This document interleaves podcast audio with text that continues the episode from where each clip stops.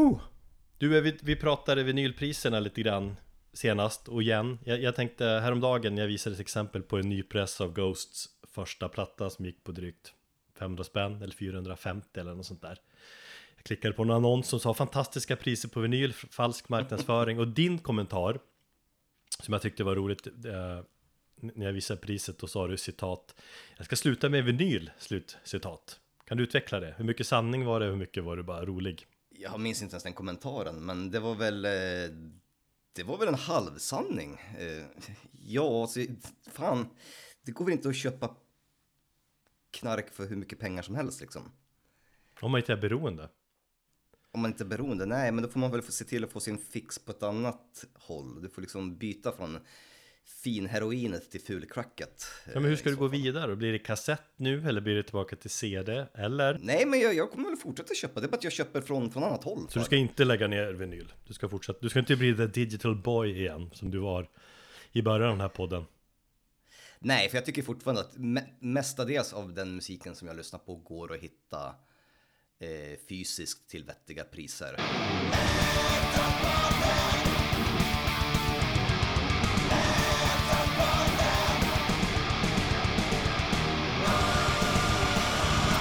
Hej och välkommen till Metalpodden avsnitt 173 med Thomas som är mig. Hej då, Thomas. Eller inte hej då, men hej. jag får se hur det går, för jag känner mig jävligt skör eh, efter två dagar av magsjuka. Eh, jag, jag, kan inte skratta, så du får inte få mig att skratta för jag har ont i magen och typ överallt. Ja, ja, ja, jag känner med dig och jag är väl fortfarande jag också. Jag har ju precis vaknat upp i min här gubblur. Ja. Så att jag är groggy och eh, ganska trött av mig. Jag har haft några jobbiga nätter här med, min, med mina barn. Åkt på en liten förkylning också som jag hoppas inte blir värre tills på torsdag då jag ska se Full of Hell. Mm. Och ja, allmänt så här, det är liksom tisdag lunchtid. Eh, jag fryser igen. Mm. Ja. Jag, tänk, jag, jag, var nästan på gång, på G ner till Stockholm faktiskt för Full of Hell. Jag tänkte nästan liksom överraska dig, typ, ja men vi ses på torsdag då. Uh, och det skulle, jag skulle koppla det till jobb och grejer, men det sket sig med det här mötet och mm, Du vet, man kom, jag brukar kombinera nytta med nöje, eller jobb. Om jag ändå mm. åker ner så brukar jag kanske försöka tajma in och spelning samtidigt. Men jobbmässigt så gick det inte. Så tyvärr, du får gå på Full of Hell själv? Ja, jag har redan gett bort din biljett ändå för jag hade ju räknat med att du inte skulle komma ner och hade du gjort det så hade du fått stå utanför som en, som en fåna. Ja, jag hade tagit min ändå. Jag gillar när det ska bli... Eller är det slutsålt? Nej? Tvivla på det. Ja. Uh, annars gillar jag det när det är slutsålt så man måste gå andra vägar för att hitta biljett. Man får utnyttja, då utnyttjar jag mina, mina kontakter. Uh, är så man gör. rullar. Men det var ju synd. Det blev kul att se Full Hell. Jag, jag eh, såg dem på Roadburn, jag var inte imponerad. Så jag eh, tänker att du får säga att eh, du var, var inte bra. imponerad? Nej, men det var ju som inget bra ljud och jag hade mycket större förhoppningar. Okej. Okay. Mm. Tyvärr då. Jag förstår. Däremot har jag förstått eh, att du har varit lite nere i skiten mentalt, inte bara så här sömnproblem. Nu det har jag också för övrigt. Jag sov jävligt lite i natt. Jag hade en minsting som sparkade mig i huvudet hela halva natten. Eh, men att du varit lite nere i skiten så, mentalt, men att du är på bättringsvägen. Och det har du förstått själv eftersom du är förbannad. Ehm, ja, just ja. Det var ju mitt citat där om att varje gång jag är förbannad. Nej, ja, jo, men jag vet alltså, inte, du pratar något om att eh, varje gång liksom att det är som ett friskhetstecken att när du har varit nere och så börjar du bli förbannad igen då är det tecken, tecken på att du börjar må, må bättre. Det stämmer, absolut. Det har jag alltid sett som ett eh, friskhetstecken när jag har haft mina liksom, depressiva episoder. Mm. Eh, men det är inte så att jag har varit ner i någon, någon skit nu, utan jag har bara varit allmänt förbannad. Det kan väl mer handla om någon där grubb, gubb, gubb grinighet som jag har haft. För att det har inte hänt någonting speciellt så. Utan det är väl bara vi som pratade allmänt om att vi var på dålig, dåligt humör. Jag försöker att inte bry mig lika mycket längre om saker och ting, tar så jävla mycket kraft. Men om man inte blir berörd eller upprörd, liksom förbannad över saker och ting, då är det ju meningslöst. livet är så jävla bisarrt ändå. Och egentligen meningslöst om man ska gå true nihilist på allt. Men då har vi liksom det här krypinnet, där vi bryr oss som fan om musiken och allting. Det är allt är kopplat till det. Ja, jag är, jag är passionerat upprörd över den musiken och den hårdrocksscen som jag växte upp med och i. Så det, väl det har väl mer, med det att göra. Och så får här i, i det här liksom, forumet, då får vi bry oss, vi får bli upprörda och... Uh... Det är friskt att göra det. Ja men det ser tänk, ingen minns en likgiltig jävel heller. Det är tråkigt att vara det. Som bara, man har polare skickar saker till Jag Får inte ens respons. Jag blir, jag blir jag förbannad på. Man ska engagera sig, man ska bli upprörd, man ska få hög puls ibland. Annars är det ju livet är inte värt att leva. It's just in nature here is vile and base. Of course there's a lot of misery, but it is the same misery that is all around us. The trees here are in misery. The trees here are in misery.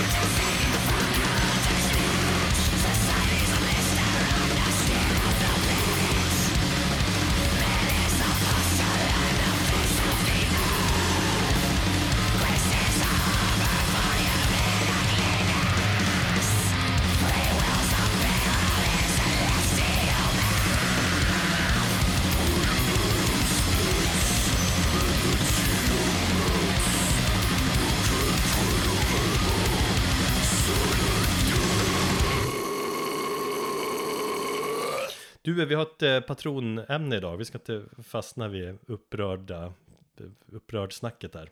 Men det ska bli kul eh, med ett patronämne. Och ett patronämne är då när en av våra patroner bestämmer ett ämne som vi ska prata om. Så mm. att om du som lyssnar vill att vi ska prata om något specifikt ämne Ja men bli då en true patron Eller patron på patreon.com slash Metalpodden. Då får man dessutom den här heliga Metalpodden-muggen och evig respekt för oss. Och eh, Magdalena Claesson har evig respekt från oss för att hon är en Patreon. Hon har varit med länge, typ alltid tror jag också. Hon har varit med sen, sen starten. Det känns som så. Mm. Och hon har valt ämnet denna gång. Hon skriver så här. Det ämne jag har tänkt på som ni inte pratar så mycket om är stoner rock. Ni hade ett avsnitt i början, avsnitt 37, bra koll där förresten, som hette What the Fuzz. Sen har ni diskuterat sleep och space rock som ibland touchar på stoner samt en del Bombus och Kaius i början av podden. Jag önskar därför ett stoner rock-avsnitt, gärna med fokus på svenska band. Mina favoriter inom svensk stoner är Dozer, Greenleaf, Truckfighters och Witchcraft, som är mer åt Doom-hållet.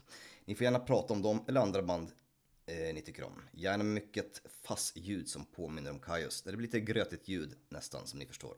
Truckfighters och Greenleaf är också galanta på att få till det soundet.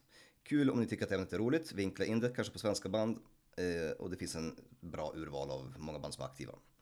Och numera finns ju den årliga FASS-festival under vintern där det brukar vara massor av bra band också. Mm, då säger Magdalena. Stoner-scenen alltså. Eh, ja, och då ska jag väl right off the bat säga att det är ju den scenen som jag kanske har minst koll på, som jag kanske är minst intresserad av. Men det är verkligen så, alltså, är lite bara just nu, för jag menar du, vi har ju ändå varit inne mer på liksom så här Doom-scenen så vi, det är väl typ samma sak? Ja men, ja men, och då kommer vi komma till det här jätteluddiga begreppet är stoner snart när vi närmar oss definitionerna, men Ja, alltså jag kan ju uppskatta den. Man kan, man kan väl börja med att säga att det känns som att Stoner-scenen ändå lever och mår ganska bra. Jag tänker på äh, Desert Fest festivalerna som går av liksom stapeln här runt om i världen. Berlin ja. var det senast där, London, eh, Antwerpen tror jag, och typ New York tror jag går äh, nu, eller något sånt. Eh, så kommer det en, en Desertfest till Oslo i maj nästa år, vet jag. Inga band är släppta ännu. Ja, men bara men de det, är poppis. Det finns, ja, men bara att det finns liksom festivaler i ja, har dykt upp nu i Norge då och sen så i Sverige. Men har inte typ Krökbacken lite grann fokus på stonerband också? Jo, nej men så är det ju. Absolut. Men jag tänker just de här Desertfest, det är ju stora festivaler som är... Eh, och de är ju ganska breda ändå konceptmässigt. De vill, alltså de vill väl vara den här ultimata stoner, doom, psych, rock, liksom mixen. Lite det jo. Roadburn stod för tidigare får man väl säga. Innan de blev en, en alternativ musikfestival. Ja, innan, liksom Roadburn har ju spretat sig åt allt möjligt nu, vilket jag i och för sig gillar. Eh, men jag tror att konsekvensen tror jag ändå att de här Doom och Stoner-rävarna har letat sig till Desert Fest festivalerna istället. Jag, jag vet ju att det, så är det mycket. Um, men, men, jag tror Magdalena också var inne på det i sin beskrivning att det är mycket är liksom närbesläktat och du och jag har diskuterat det här lite grann inför det här att, mm. att allt är som en, liksom en mix av allt genremässigt. Många band beskrivs idag som en blandning av stoner rock och det är stoner metal och det är desert rock och det är fuzz och det är doom och det är acid rock och det är heavy psych och det är space rock och hard rock och blues rock och så vidare. Det är rörigt. Och det är väl liksom, jag tänker att det är väl för att alla band försöker hitta sin lilla nisch bland alla andra tusentals band för att liksom utmärka sig lite grann. Ja, och jag tycker ju att det är kanske den genren som har den mest luddiga eh, subgenrebeskrivningen. Jag tycker många av de här banden flyttar in i så pass, så pass mycket i varandra så att det blir väldigt svårt att avgöra vad det vad och i ärlighetens namn skulle du kunna svara på vad är skillnaden mellan acid rock och eh, psych till exempel? Mm.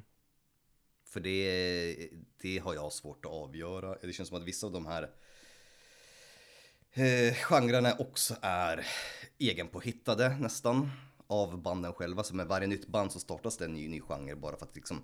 Och det är helt okej okay, liksom. Musiken, musiken flyter ihop i, i, i varandra och den är ju ganska så bred och, och genre, genrelös i sin lilla genre så att säga, i sin lilla låda. Eh, men det blir ju väldigt svårt att eh, liksom, kategorisera varenda band, band för vad det är.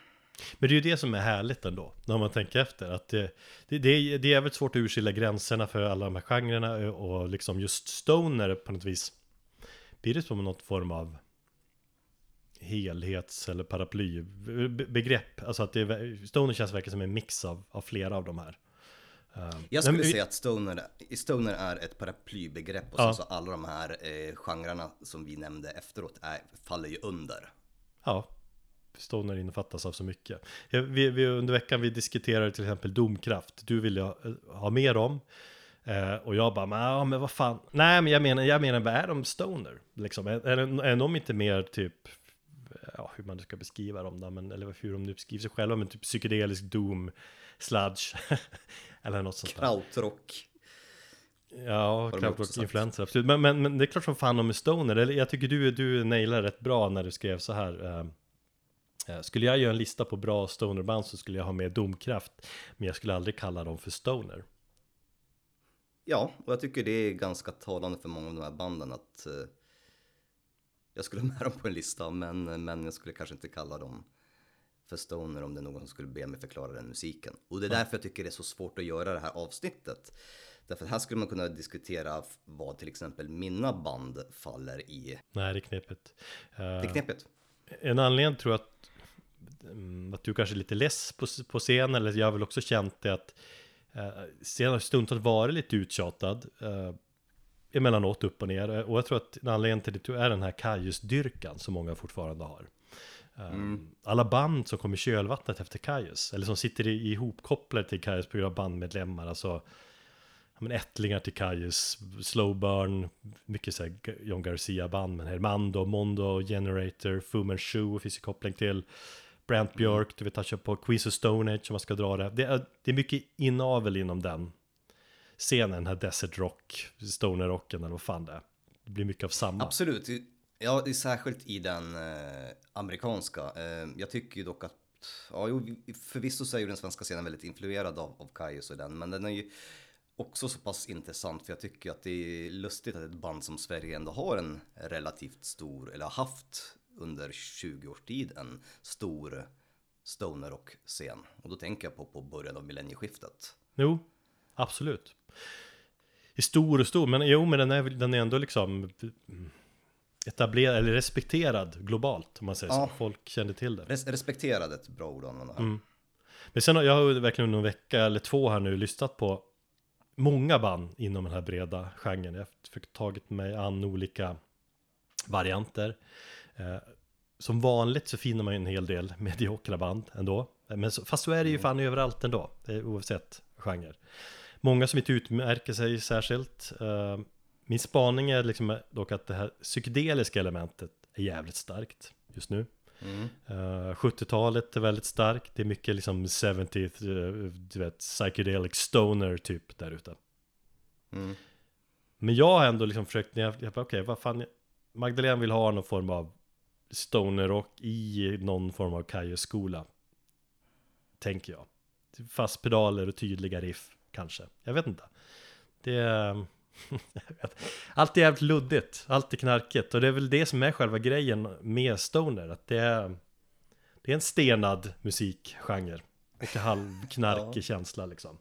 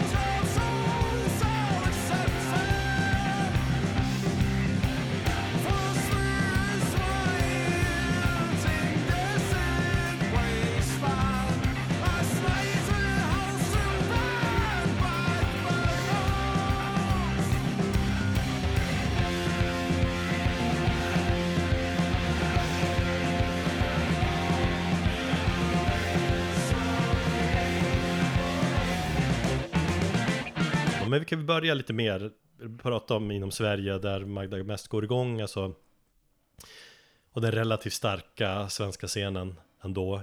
Truckfighters jättestarkt liksom Kajus arv. Ehm, men det känns som att de har väl lagt ner att skriva ny musik.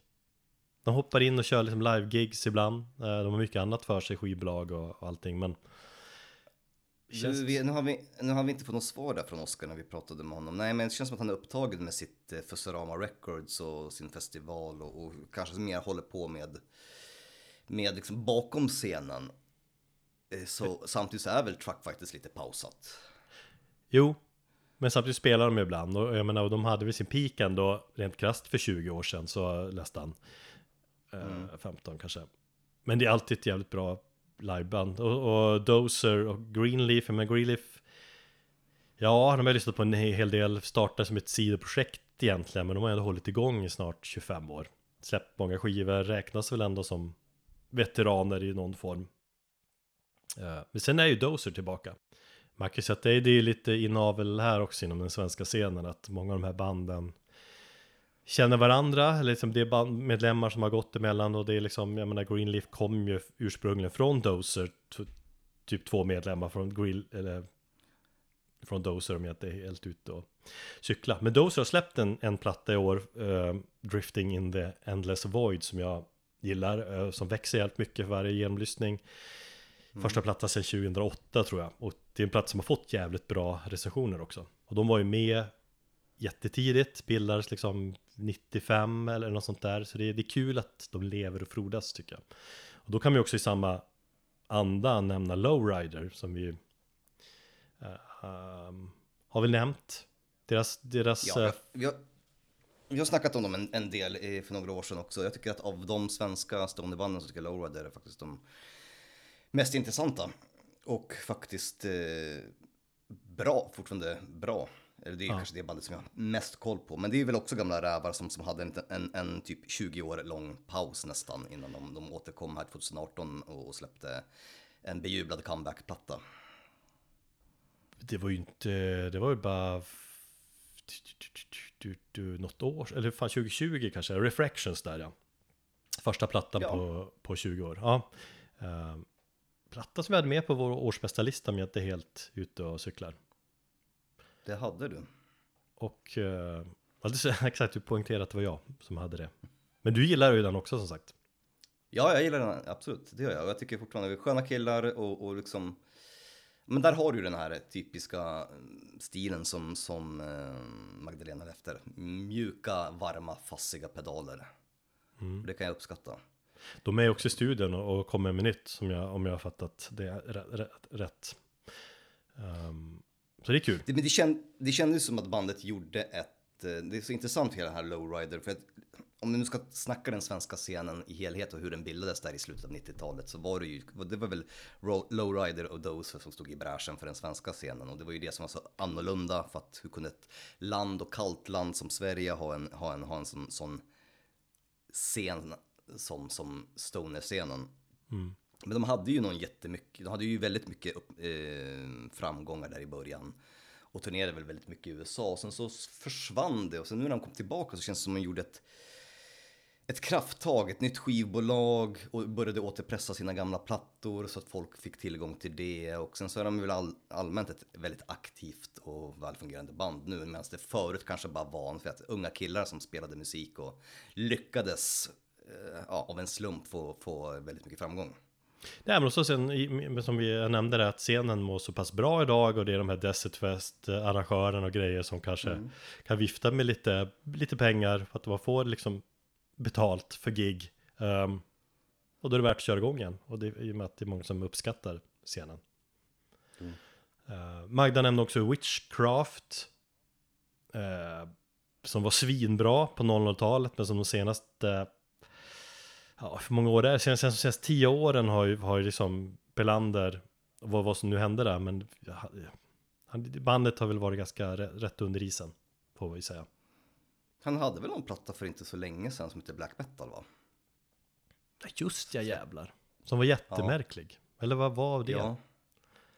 Jo, nej men det, var väl, eh, det var ett witchcraft-band, men jag vet inte om det var så att han stod för den, för han står väl, han, det är väl han som är witchcraft, och sen vet jag inte hur det var med, det var ju inte originalbandet. Ja, jag vet inte, det, det känns, det känns som man är lite knepig att jobba med.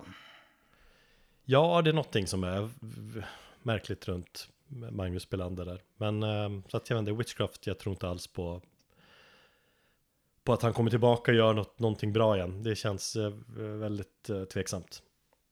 Ja, men Witchcraft var ju svinbra i, i början och jag tycker att Legend-plattan är ju kanon fortfarande. Ja. Det, är en platta, mm. det är en platta som jag faktiskt återvänder med, med, med jämna mellanrum. Ja, jag också faktiskt. Mm. Den rekommenderas.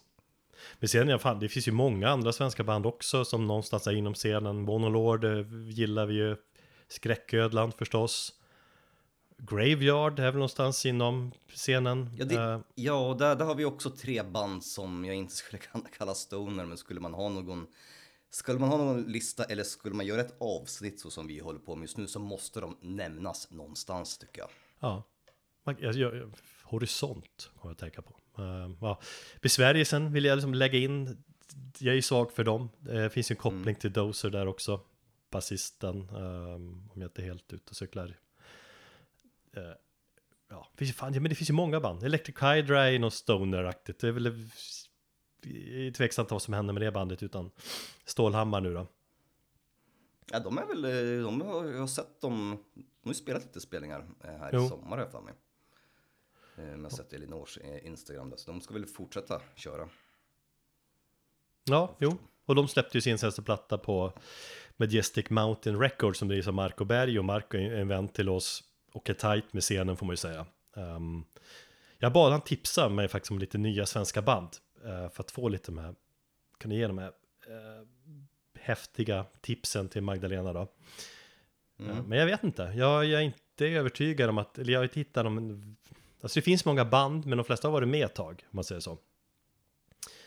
Han, ja, men han har ju sedan han egentligen startade Majestic Mountain Records tycker jag ändå att Marco måste, måste närmas i, i det här i det här avsnittet som ändå liksom en stark passionerad själ som jobbar för att eh, få de här banden att synas. Och Absolut. Det, vi vet vi båda att han gör ju detta för att, eh, för att han brinner för det, han brinner för musiken, eh, han har bra koll och eh, det är oftast eh, kvalitet på hans band. Eh, han är med och arrangerar gig, ehm, så han gör ju väldigt mycket för scenen.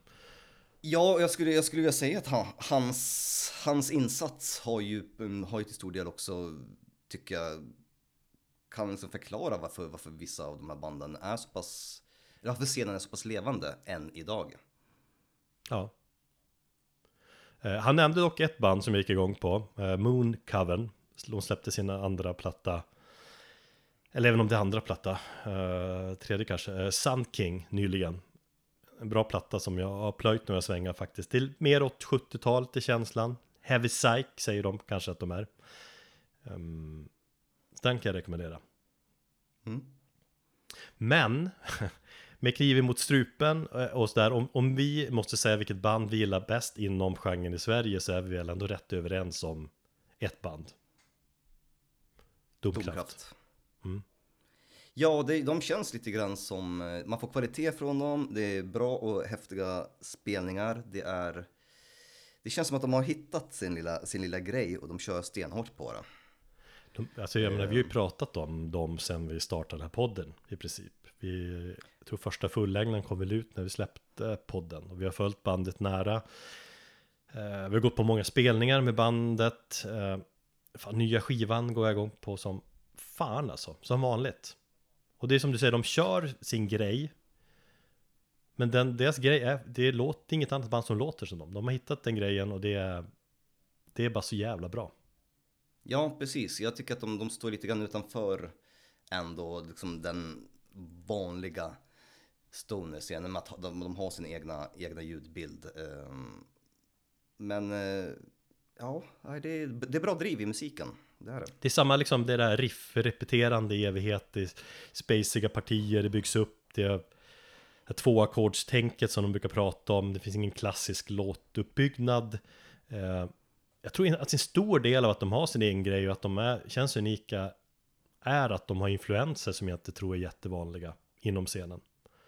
Det vill säga att de, de pratar själva om att de lyssnar på mycket annat, mycket psykedeliska grejer, men krautrock, elektroniska band, eh, film-soundtracks och så vidare. Och det, det, det märker man, jag, jag, kanske inte kan liksom säga vilka band specifikt, men man, man känner att de har andra influenser än andra band inom den här uh, genren. De har också en låt som heter Black Moon Rising. Jag frågade Martin som spelar bas och så sjunger i Domkraft om den har någon koppling till Bad Moon Rising, Creedence-låten. Och då skrev han så här, om du vill att det ska finnas en koppling till Creedence så finns det det. Det tycker jag var ett bra svar.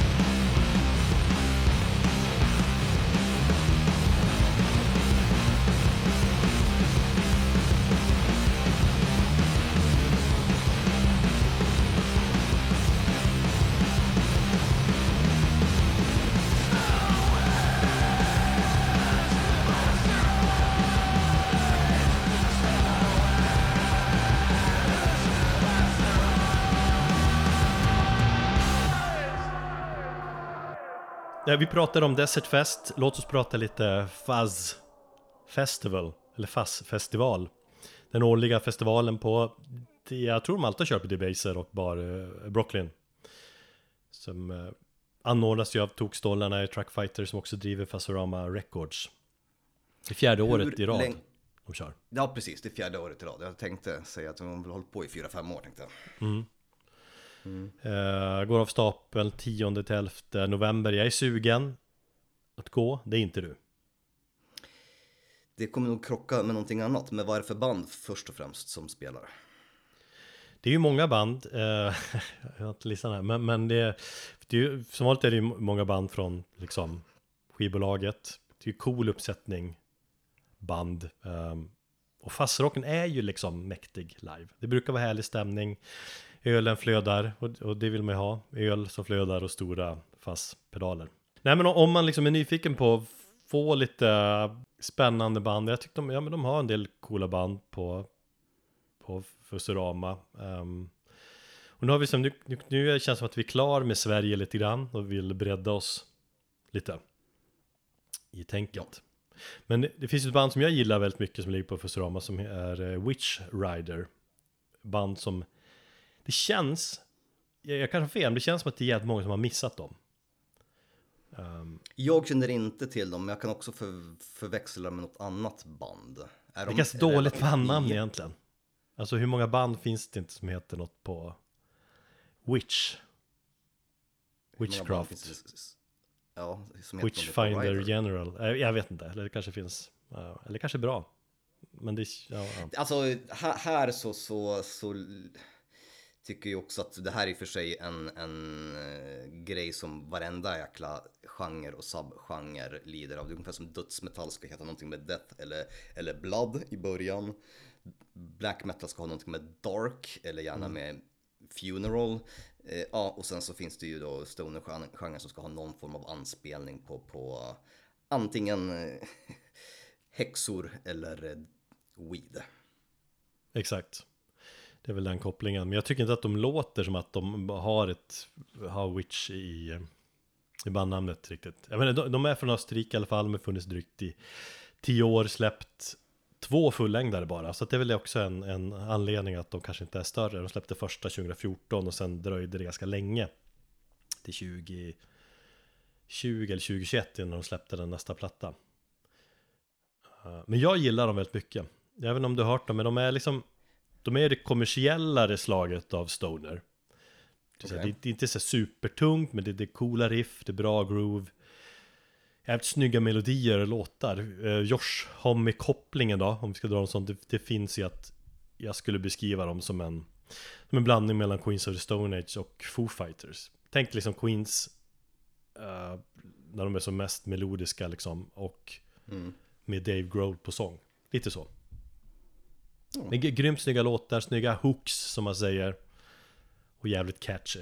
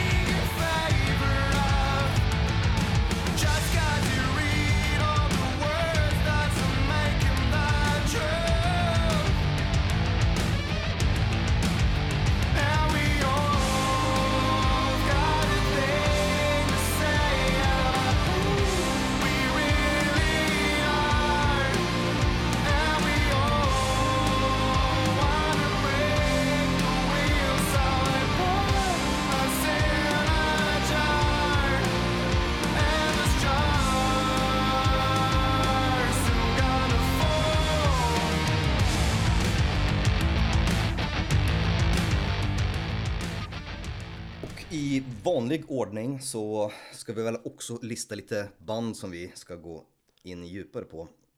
Kanske personliga favoriter. jag. Och då har vi valt, eh, ja, typ tre band var ungefär. Ja, två har du valt. Jag har valt eh, lite fler, men jag tänkte skulle försöka få in den norska scenen här också. För att eh, det känns som att den norska scenen kanske kom lite grann, nu killgissar jag verkligen här, men som att den norska stoner-scenen är lite, lite senare än den svenska, att den kom någonstans i början av 10-talet. Speciellt om man tittar på många av de här banden som, som startade så här kring, kring liksom 2010-2012 som startade. Så det känns som att det fanns någon, någon norsk våg eh, som kom lite senare från den svenska nu, om den svenska började på 00-talet. Men det känns som att då, just där och då, det var, det känns som att då det började, börja liksom blomstra igen, hela scenen. Jag tror det har väldigt mycket med att göra med hela den här eh, retro-rock-scenen som kom där 2007-2008. Eh, och då det liksom Devil's Blood, Ghost och hela den grejen födde hela den här 70-tals-viben igen. Och sen så därifrån kom det också stoner och mycket 70-talsinspirerad musik. Men mycket av den här musiken som, som är i, i, eh, i den norska scenen tycker jag är väldigt inspirerad av Black Sabbath och Doom metal. Mm. Och det känns som att den hade ju en på nytt födelse där kring ja, senare hälften av 00-talet. Men finns det liksom en, är det en tydlig norsk scen som man, som man pratar Jag försökte, om? att jag försökte kolla på det där och tydlig. Jag, jag jag är rätt person att, att, att, att svara på detta. Det kanske är någonting som Marco skulle kunna svara på. Finns det en tydlig norsk scen? Det finns en norsk scen med några ganska väl etablerade band. Eh, Men det känns fortfarande som den är lite grann kanske i skymundan från den amerikanska eller den svenska. Eh, med det sagt Jo, det är väl den den svenska som är sämre. intressant att jämföra med då, i och med att eh, eh, grannlandet. Men också, så- svenska scenen är ju så pass mycket äldre också. Ja, jo, precis. Eh, men det här är också lite grann anledningen till att jag har koll på den norska scenen. Det är ju väldigt stor del på grund av Marco och Ma- Majestic Mountain Records. För, för de banden som jag vill nämna i det här sammanhanget är ju band som alla är knutna till honom idag. Och jag tänker ju dels på hans favoritband eh, Kal El, eh, som är ett norskt, mm, jag skulle säga att det är ett mer ett doom metal, ja doom rock eh, hållet. Det är ju mer liksom Tommy Iommis eh, arv och Black Sabbath än vad det kanske är åt Stoner. Men det finns väldigt mycket liksom, psykedeliska ut, eh, utfall där i, i deras musik också. Eh, en hel del liksom, space-vibbar. Eh, vi har ju Joint Hugger som du tipsade mig om här precis i, i, i, innan vi startade. Som jag helt hade glömt bort. Och sen så har vi Saint Karloff också. Alla norska, norska band som ja, och verkar, de kommer ifrån, eh, eh, Saint Karloff kommer från Oslo. Ehm, Kalel kommer från eh, Stavanger. Och Joint Hugger är från Horten. Ja, men Norge är inte så jättestort så jag antar att de här banden på något sätt känner varandra där också. Det finns ju kopplingar mellan banden också. Jag vet i alla fall att Joint Tiger och San Karloff, jag tror basisten från Joint Tiger spelar med dem nu. Efter att Mm. Sen Karloff, basist, gick bort i cancer um, Just ja. för något år sedan. ja Joint Hugger är kanske det av de här banden som lutar mer åt metalhållet. De är ju ganska mycket så här tunga låtar, en, en, en spårsskiva liksom. Eh, jättemastigt och ganska episk musik som jag tycker har mer, är mer när- närbesläktad med kanske metal än vad Saint Karloff och Kallel är som går mer åt, tycker jag, åt det rockiga hållet, mer åt det bluesiga hållet. Eh, ja, jag vet, alltså jag vet, ja, jag skulle, Joint Tiger är mer så här Space Doom rock typ för mig. Eller ja, jag vet inte. Ja. Det är fan. Men Kalel, jag skulle hellre säga Kalel då som mer metal. Nu, nu är vi inne på det här farliga genre-tänket. Men jag, det jag gillar med Kalel är att det är ganska, de är ganska melodiösa ändå, men det här domiga, blytunga riff, jävligt, eh, eller det som är coolt med dem, att de kör någon form av sci-fi stoner. Ja, precis. Ja men om, om man kollar deras, deras skivomslag skiljer sig en del. Det är lite så här eh, old school science fiction eller något sånt där. Ja, det är mycket den här Brudar. Attack of the, ja, Attack of the 50 Foot Woman eh, estetiken. Mm. 50-tals amerikansk sci-fi. Jo, jo, men där är ju det. Det tycker jag också är jäkligt eh, tilltalande. Och det är väl kanske därför jag, jag gillar dem. Um, Joint Togger har jag inte lika bra koll. Saint Carlof lyssnade på en hel del faktiskt innan, innan som så förbered, förberedelse inför det här avsnittet. Och jag blev ändå eh, ganska överraskad över att jag gick igång på deras musik mer än vad jag trodde.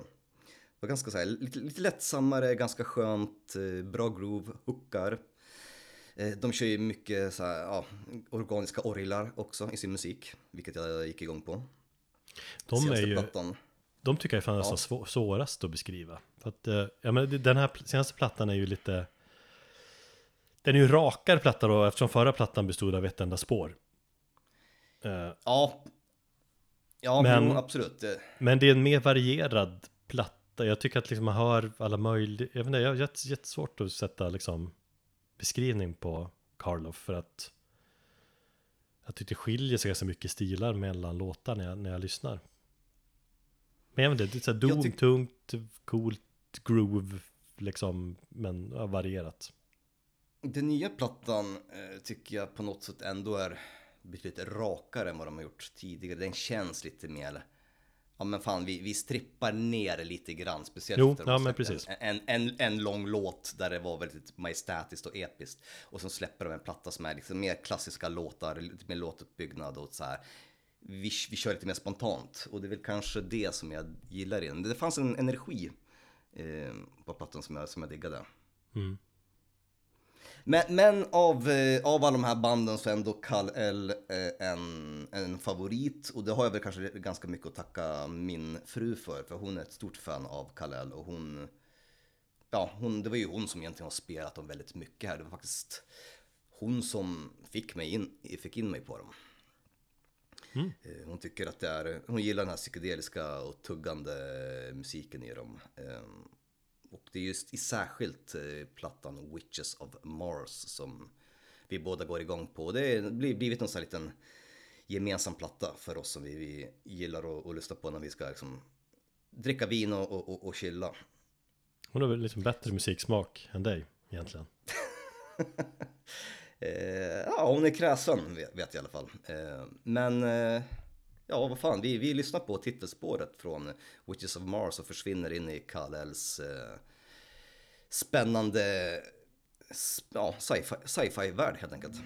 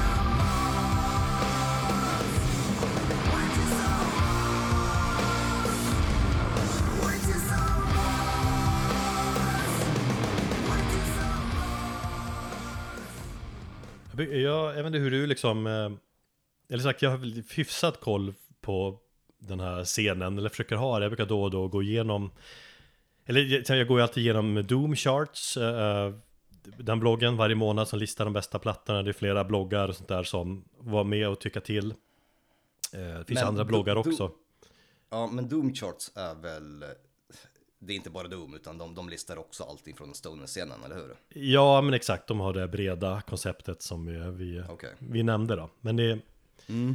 och det är där det är, det är så liksom, det är underhållande för då kan ett band, de, de, inom parentes så skriver de alltid vad, vad varje månad listar de de 25 bästa plattorna in, inom scenen. Men då är det liksom ett band som är, i en parentes, genre stoner, eh, slash eh, acid rock, slash eh, space. Man var okej. Och så det andra bandet kan vara blues, slash desert rock, eh, slash fuzz och så vidare. Det, det, Så- f- några frågor innan vi fortsätter. Eh, är det en aggregator för alltså Doom Charts, eller en egen, gör de egna listor? Eller det en aggregator som samlar ihop betyg? Ja, det är de samlar ihop. Så att det, man ser också vilka som har varit med och tyckt till. Um, och det är Okej. ganska många tyckare. Um, och många bloggar och så här. Så att det, det är väl, det är den framförallt jag brukar kolla. Och så sen är det, ja det finns ju några, några andra. För själva bloggar och så Doom Charts, Doom Charts är ju, jag vet att det snackas väldigt mycket om den, folk nämner den i, i var och varannat andetag känns det som. Som att det skulle Ja, men att det- det är någon form av pålitlig källa till, till bra musik. Jag Jo. vet inte, jag har ingen koll, jag brukar inte vara där inne. Men så blir det ju med att, jag menar, om man, om man får med sin platta högt upp på den listan då, då har man ju ändå, det är ett bra tecken på att en skiva har fått bra betyg i och med att det är så många som får tycka till. Men eh, Ja. alltså det är mycket den jag brukar, brukar hålla mig till. Men sen är det ju andra bloggar också. Um, Doomed and Stoned eh, och ja, men Sludge Law. Det finns liksom olika olika bloggar och sådär, man kan, där man kan hitta intressanta band på. Och det, det gör jag då och då. Ehm, det har gjort mycket nu också, så att jag har hittat en del, en del intressanta band.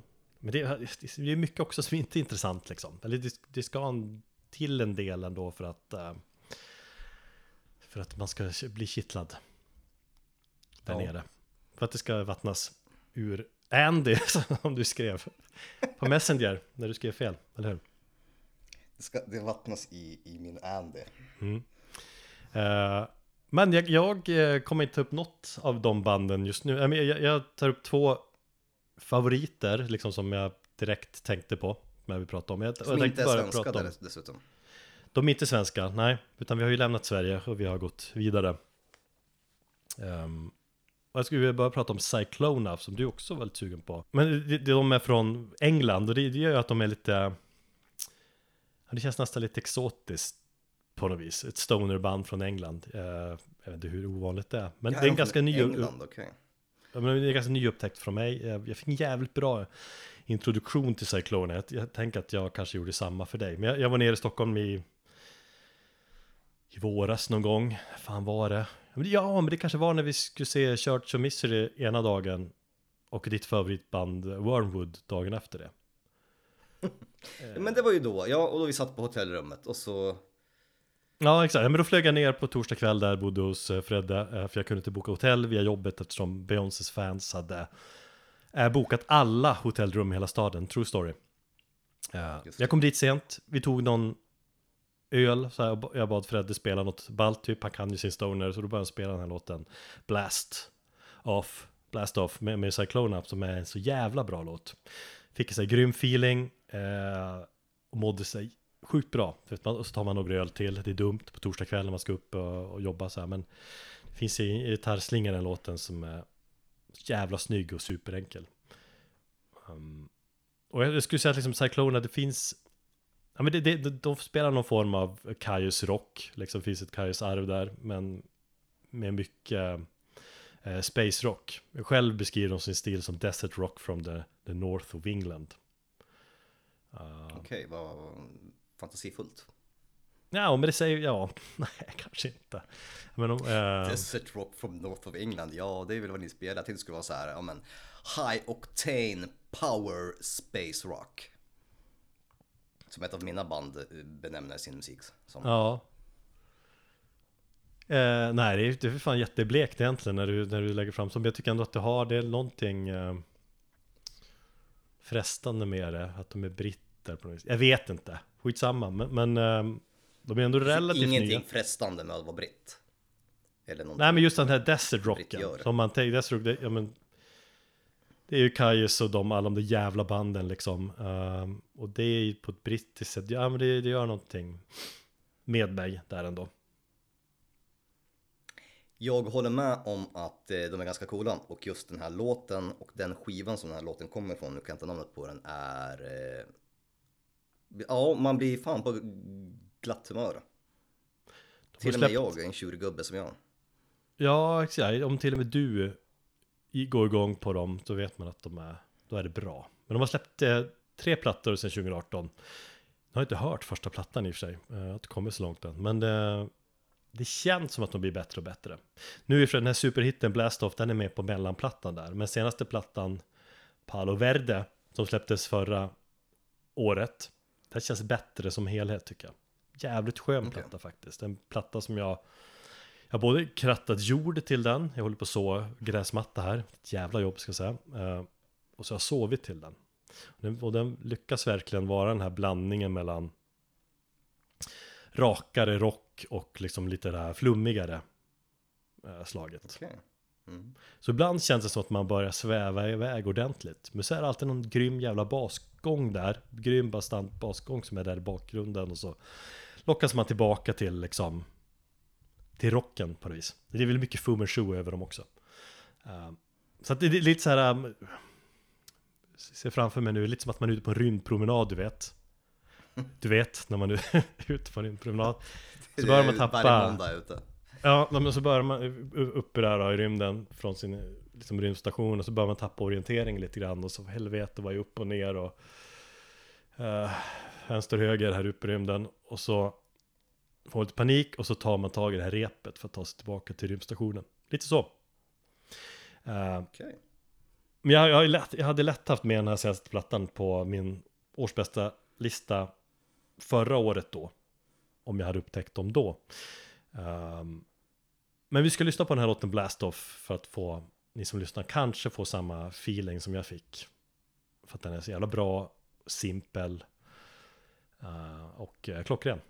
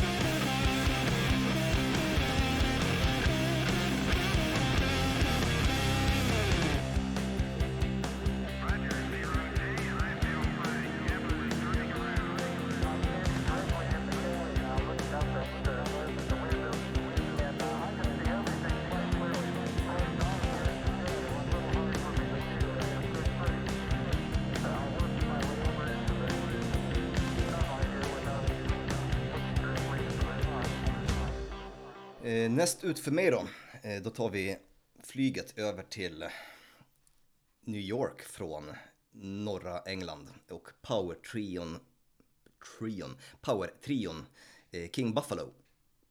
Eh, Som är ett, ett, ett ja, udda band i den bemärkelsen att de håller sig mycket i den här desert rock psykedeliska follan av musiken samtidigt som de har varit så jävla aktiva sedan de eh, bildades 2013 och släppte sin debutplatta Orion. Eh, de har, tror jag, släppt Men när kommer Och- Orion egentligen? Orion är deras debutplatta, den kom 2013. Ah, okej.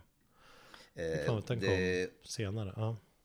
Nej, förlåt, den kom 2016. Det Mm. är, sorry, det var jag som missade det där. Men de bildades 2013, så var det. Och de har släppt en, två, tre, fyra, fem, sex plattor på tio år som är väldigt aktiva. Och de har väl släppt eh, så, nästan var, vartannat år. Eh, och sen så har de ju, nu har de ju släppt eh, två plattor, jag tror de är på G med en tredje platta som ska komma som en trilogi som de kallar för sin pandemitrilogi. För de var ju väldigt aktiva, de släppte två plattor eh, under, under, eh, var jag, är jag så tråkig? Nej, jag snarkar åt uh, pandemi-trilogi. Plattor. alltså att jag, jag, fort jag hör band som pratar om sina jävla pandemiplattor, jag tyckte det där är så jävla tråkigt nu. Jag är less, less på att höra av allas jävla liksom covid. eh, Men du gick ju igång på det som fan när, när väl pandemin var och pandemiplattor liksom. Nu, får, nu kommer en massa band släppa musik. Fan Då, ja. gick igång på det. Jo, Då, nej men exakt då gick jag igång för att det kommer vara liksom så jävla mycket musik eh, och det kommer vara ett annorlunda tänk hos många. Vi bara nu gör vi någonting helt annorlunda. Men det där har vi ju, vi har ju glömt den pandemin nu. Ja, ja, men. Nu har vi ju, nu har vi afrikansk eh, svinpest och eventuellt en eh, asiatisk tigermygga. Så det är ju bara på ti- tidsfrågan när vi får eh, en ny pandemi här. Ja, jag hoppas att det, det morfas där visar att vi alla får den afrikanska svinpesten. Ja. Nej men i alla fall. Det, de Och få har höra vilken jävla aktiva- musik som skrivs då. Ja, King Buffalo var väldigt aktiva sedan 2013 och som sagt sex, sex plattor men där, där ser jag nu också att en platta är faktiskt en liveplatta. Eh, hur som helst, vartannat år släpper de ungefär och de släppte ju tre plattor under pandemin. En som heter Dead Star som kom 2020, eh, The Burden of Restlessness 2021 och förra året släppte de Regenerator. Eh, Jag är inte så där superfan av deras eh, senare plattor och eh, här får jag väl återigen eh, ge all cred till min fru som, som har spelat eh, det här bandet för mig och fått mig att fastna för dem. Och det är ju i synnerhet Orion-plattan, deras, för, deras första platta. men det är väl deras erkänt bästa platta, eller den populäraste. Eller det är i alla fall den jag, jag tror, det, ja det är mest den jag har hört faktiskt. Ja, jo, någonstans är det, det nästföljande plattor. Det, jag tror att eh, det är väl någon platta där, Long to be the mountain från 2018 som är i samma veva. Men sen så börjar de experimentera ganska mycket. De låter ju väldigt annorlunda idag ifrån eh, hur de gjorde 2016 och just den här Orion-plattan den är ju ganska mycket det här varma psykedeliska soundet. Där tycker jag att man hör väldigt mycket Kaius och just den här Desert Rock-grejen. Medan de senare plattorna blandar de in jag vet inte, jag tycker att de är, de är tunna. De känns tunna rent musikaliskt. Det är inte det här, det är inte samma drivet, det är inte den här liksom plattan i, i mattan och, och, och, och, och, och liksom fasspedalen som, som, som tar, utan det är mer poppigt, känns lite mer som att det är kommersiellt gångbart. Fan, du säljer, du säljer ju inte in det bra. När du beskriver det så, så gillar du ju inte det. Jag tycker Orion-plattan är fantastisk. Eh, Sen, sen så säger jag bara att de är väldigt annorlunda och jag tycker att de senare tiden är mycket, eh, senare plattorna är mycket svagare. Det känns Eh. också som att utifrån de här banden vi pratar om här nu, så är det här bandet som är, känns mest space rock på något vis. Absolut, jag tänkte komma till det. Och det, det märker man ju på Ryan och nästföljande platta också. Eh, Och det är väl det att de har ju lämnat den här space-rocken och eh, med just sina pandemitrilogi så har de ju kanske kommit ner lite grann på jorden och sjunger om mer om, ja men fan The Burden of Restlessness som kom 2021. Det känns som att det är en titel som ganska, ganska mycket kopplad till, till just pandemisamhället som var. Regenerator, ja nu, är de, nu har de liksom kommit ut ur pandemin och nu är det dags att, att ta nya tag. Det är ju ganska talande titlar där. Mm. Och de, det känns som att de har lämnat eh, Space Rocken ganska, ganska hårt och ja, till mitt förtret, för jag tycker inte det är lika intressant. Utan, men Orion är svinmysig platta och alltså jag får ju ibland säga till Karro att hon får ta och stänga av, för det är ju nästan den enda plattan som går här hemma stundtals. Men det är så här perfekt space rock att lyssna på om man till exempel pluggar eller när man pluggar eller när man jobbar och behöver liksom koncentrera sig på någonting, någonting i bakgrunden också. Och så försvinna in. Så att jag tycker det var så här, ja, en romantisk platta. Det är när, när, när, när, eh, när eh, lusten faller på så sätter Karo gärna på den också. Och tar ett glas vin. Ja. Knullmusik. Det är vad, stoner rock är. Det är en bra musik att knulla till. Eh, Vi, Är det det? Alltså allmänt? ja, i alla fall i det här hushållet. Ja. Det är inte, det är inte jag som får välja musiken då. ja. Men, när du hade eh, din, när vi hade vårt sexavsnitt här Ja, Eller här här länge väldigt, sedan väldigt länge sedan. Ja, nej men det här när, när du, du, du, du pratade bara om låtar ni hade sex till och jag pratade med, om låtar med sextema och grejer. Var det mycket stoner rock i det då? Jag minns inte fan inte vad ni pratade om eller vad du tog upp för låtar. Eh, det fanns en del, eh, men det har, känns som att Karo har eh, utvidgat sin palett där mer eh, på senare år. Det har hon absolut, men det var, det var ganska blandat man vill lyssna på. Men det finns ju hon har ju så här go-to-skivor. Om är ju också så här typiskt, nu kanske inte det är stoner rock, men någonstans faller väl i det kategorin också. Den här Advatic Songs-plattan, det är ju också en så här gemensam platta som vi gillar väldigt mycket och vi har väldigt mycket liksom gemensamt med den. Vi har sett dem live och, och sådär. Men skulle hon göra en ny sån lista så skulle det vara betydligt mer sexig stoner rock än tidigare. Jag har ju också bett henne att välja ut eh, musiken till eh, det här avsnittet, i, både med, med och med King Buffalo. Så att det är hon som får stå för eh, låten Kerosene från King Buffalos första platta Orion.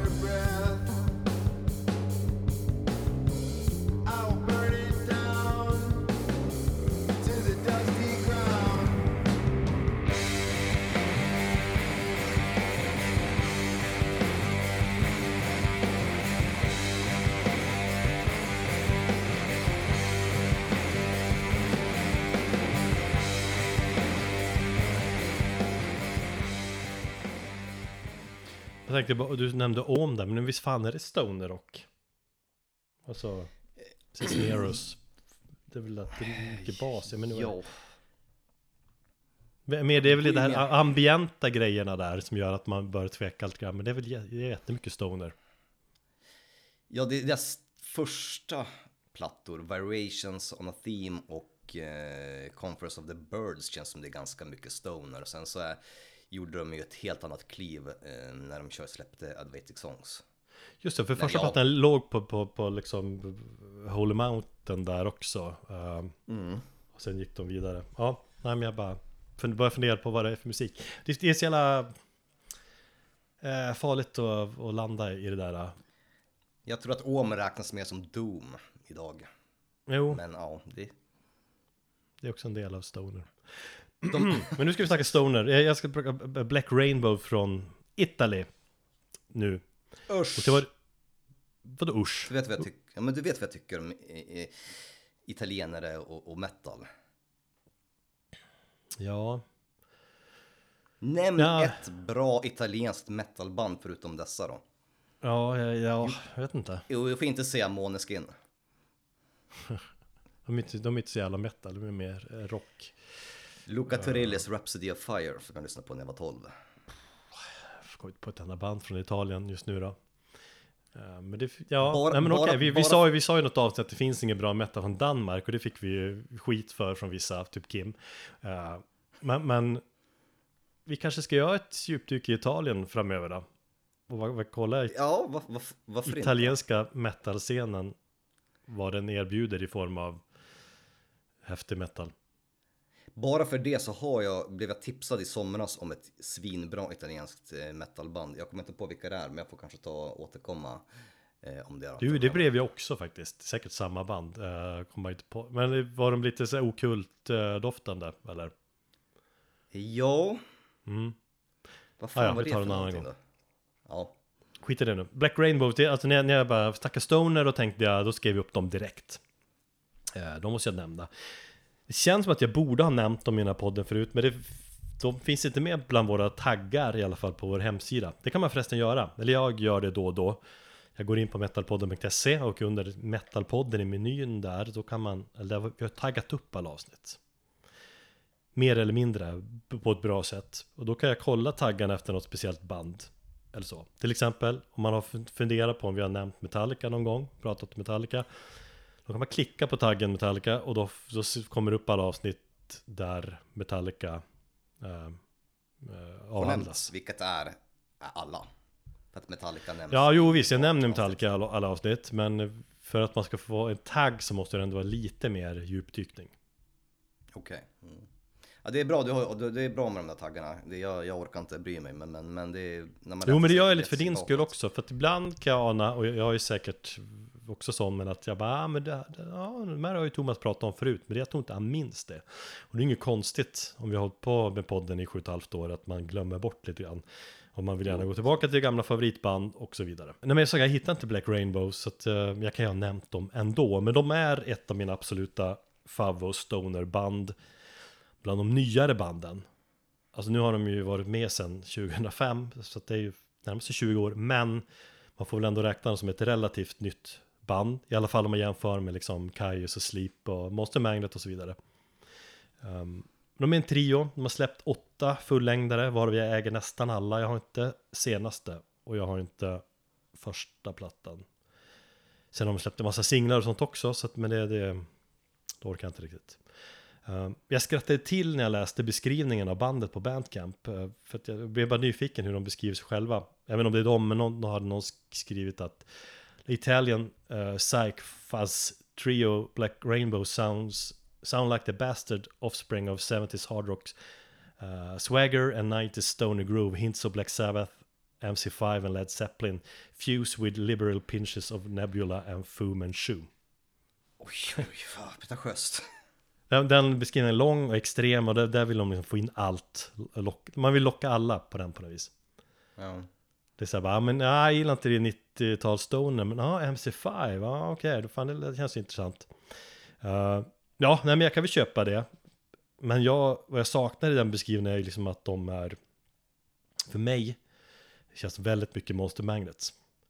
Um, det är liksom största anledningen att jag gillar Black Rainbow så jävla mycket. För de har gått i, det känns som att de har gått i Dave Windorf, uh, Windorfs musikskola.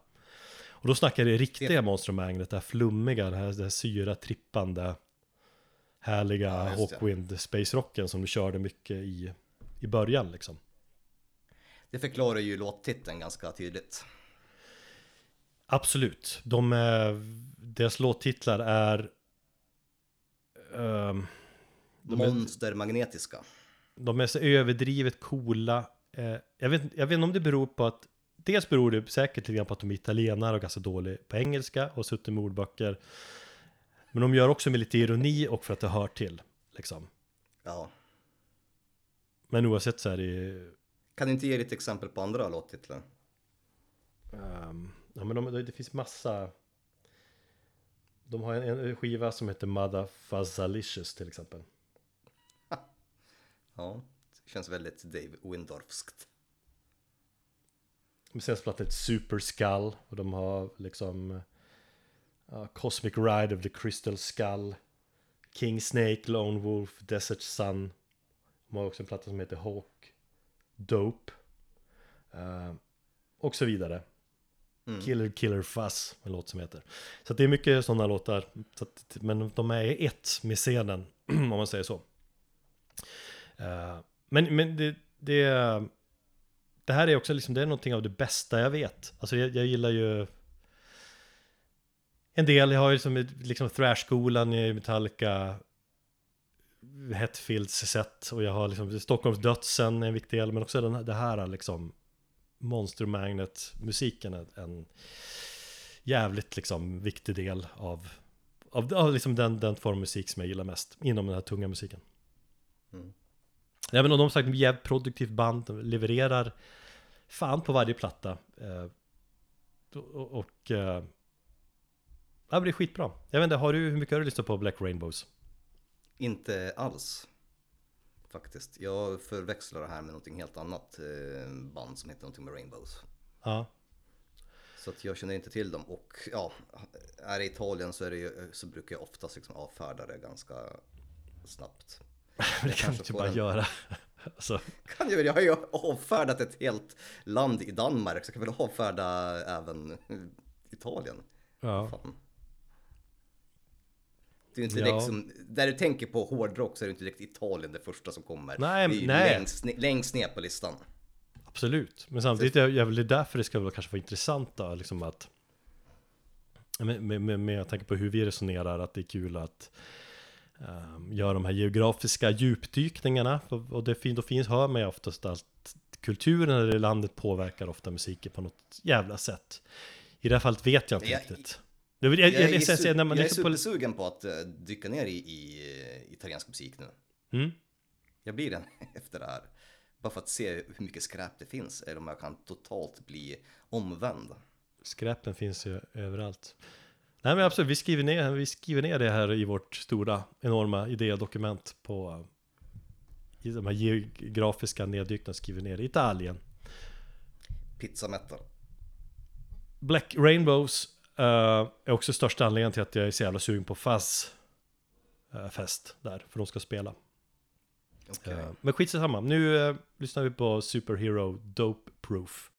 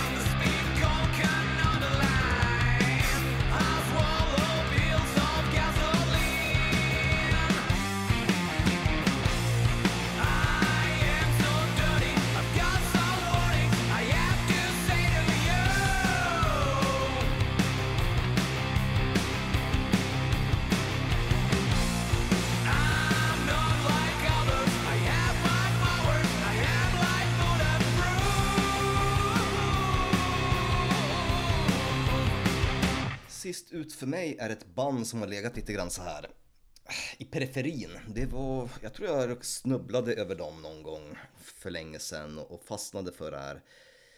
Nu när vi pratar om det här med musik som ska ha nerv. Eh, och det är ju japanska Hibushibire. Eh, med reservation för uttal där som gör någon form av Ja, om vi nu ska gå in i genreträsket så skulle jag säga att de hamnar ju väl någonstans i acid rock eh, follan. Eh, Ja. Men ja, och det finns otroligt lite information om bandet. De har varit aktiva ändå sedan 2012, men de har liksom de har en bandcamp där deras eh, musik ligger uppe. Vad jag fattar så har de släppt två stycken plattor. Det finns jättemycket bootleg som ligger uppe. De finns inte på någon, någon form av strömmande media. utan kan hitta rippar på, på YouTube. De har ingen Wikipedia-sida, de har ingen Facebook, de har ingen Instagram, de har eh, ingen Metal Archives utan ja, det är en liten, liten rad som jag hittade här på, på Discogs om bandet. Och på tal om eh, lökiga genrebeskrivningar eller musikbeskrivningar så beskriver de sig i alla fall som kort och gott Japanese Heart Psychedelic Freak Out Rock från Osaka. Mm. Läs vidare att, ja, allt det här, jag, jag engagerade mig i det här bandet en kvart innan vi satte igång inspelningen. Uh, 60s hard rock, 70s progressive rock and additionally various psychedelic music. Jag, jag funderar ju på, efter att ha hört en låt också, mm, om det verkligen finns ett stoner element här då. Att du kanske... Eh, Att du kanske är ute och, och bicycling lite grann. Mest, jag säger det också bara för att skapa lite debatt. Eh, för att å andra sidan, efter allt snack jag säger har vi kommit fram till att allt är stoner. Allt är rock, metal är rock, rock är metal, allt är syra. Men... men Ja, alltså jag- med, om vi säger så här. Eh, de här det här bandet tar ju, tar ju väldigt mycket inspiration och jag har förstått att en stor influens på dem är ju Flower Traveling Band som du pratade om i vårat Proto-Doom avsnitt. Mm. Eh, och då är vi ju inne på Doom eh, och Doom tillhör någonstans sto- eh, Stoner. Du har ju den här 60-tals vibben. Jag tycker att du har väldigt mycket ja men psykedelian ifrån Stoner och allmänt Ja, alltså det, ja, någonstans så, så, så absolut. Det kanske inte är Stoner, men skulle jag göra en lista så skulle jag förmodligen kanske lista dem för att jag tycker att de är lite balla. de är en stor del av stonern så att... eh, ja, nej men absolut. Det finns... Men absolut, det kanske inte riktigt faller i, i den här typiska eh, stoner-fassiga. Det är ju väldigt analogt inspelat. Det är, känns som att väldigt mycket är, improvisatoriskt och framjammat. Ja. Ehm, Det där är väl, liksom- det där, när jag, jag har suttit och funderat på din första fråga här nästan med vad är skillnaden mellan acid rock och psychedelic rock. Acid rock, det är väl mer jammigt? Alltså att det är mer, det, här känns ju mer acid ur det perspektivet kanske då. Ja, men samtidigt så har jag hört väldigt mycket 70-talsmusik. Och jag menar väldigt mycket av 70-tals och 60-talsmusiken är ju också en spontan och eh, så framjammad musik. Så att jag tycker inte nödvändigtvis att det faller inom acid benämningen, men jag tycker att eh, acid är väl kanske någonting, ett begrepp som har lagts på efteråt. Jo, För den här, liksom, den, här, den här typen av musik har funnits sedan länge och även om den ibland kan bli lite väl mycket, att det, bara, det blir bara jammande i, i liksom evigheter, så tycker jag att det finns en frihet i den musiken också och det är kanske det jag gillar mer. Att det är liksom no fucks given. ja. Eller är det inte lite garagerockigt över det här också? Absolut, det skulle jag också säga. Sen ska jag säga, Eh. acid rock är ju coolare att säga på svenska. Att du gillar Det är det. syrarocken, Ja. regerar. Syrar. Nej, men de har ju släppt jättemycket olika bootlegs som är liveinspelningar. De har två officiella album. En som heter eh, från 2017 som egentligen är deras debutalbum då, fullängdsalbum heter Freak Out Orgasm. Och sen så släppte de 2019 en platta som heter Turn On Tune In Freak Out. det är lite flower power, det är acid, det är stoner, det är punk, det är garage rock, det är bara fullt ös och, och, och Fullt ös vadå? helt enkelt. Fullt ös medvetslös, jag vill inte Ja. säga det men nu tvingar du mig Nej men det är är ett, ett jävligt coolt band måste jag säga. Typ, eh, jag vet inte om, ja det kanske skulle vara större chans att jag hade tagit upp det här bandet möjligtvis. För det här är ju mer rock. Jag gillar ju när du snackar rock mer än metal. Ja, men det är ju inte, jo det är ju visst det är ju rock, men det är ju inte den här Det är fan tråkiga rock. bredben. Det är fan rock, men det är så mycket mer än rock, det är en upplevelse att lyssna Mm. på det här. Och det är väl det som jag gillar och det var ju därför jag kanske fastnade för dem också när jag, när jag spontant hittade dem en dag när jag, när jag letade efter bra musik på Bandcamp. Så att vi eh, lyssnar lite grann, det var otroligt svårt att få tag på deras musik också i, i digital format, men, men, men det går om man letar noggrant. Vi lyssnar och avslutar det här Stoner rockavsnittet med att spela lite sjuk acid eh, och låten Lucifers My Friend med Hibu Shibira. Mm. Och med det, ja, nej men det är sagt. Vad vad har vi kommit fram till? Att Stoner är mycket och det är flummigt, knarkigt och bra. Och Det finns många bra band. stundtals väldigt, väldigt, väldigt bra. Tack Thomas. Tack Erik, ta hand. Tack för att ni har lyssnat.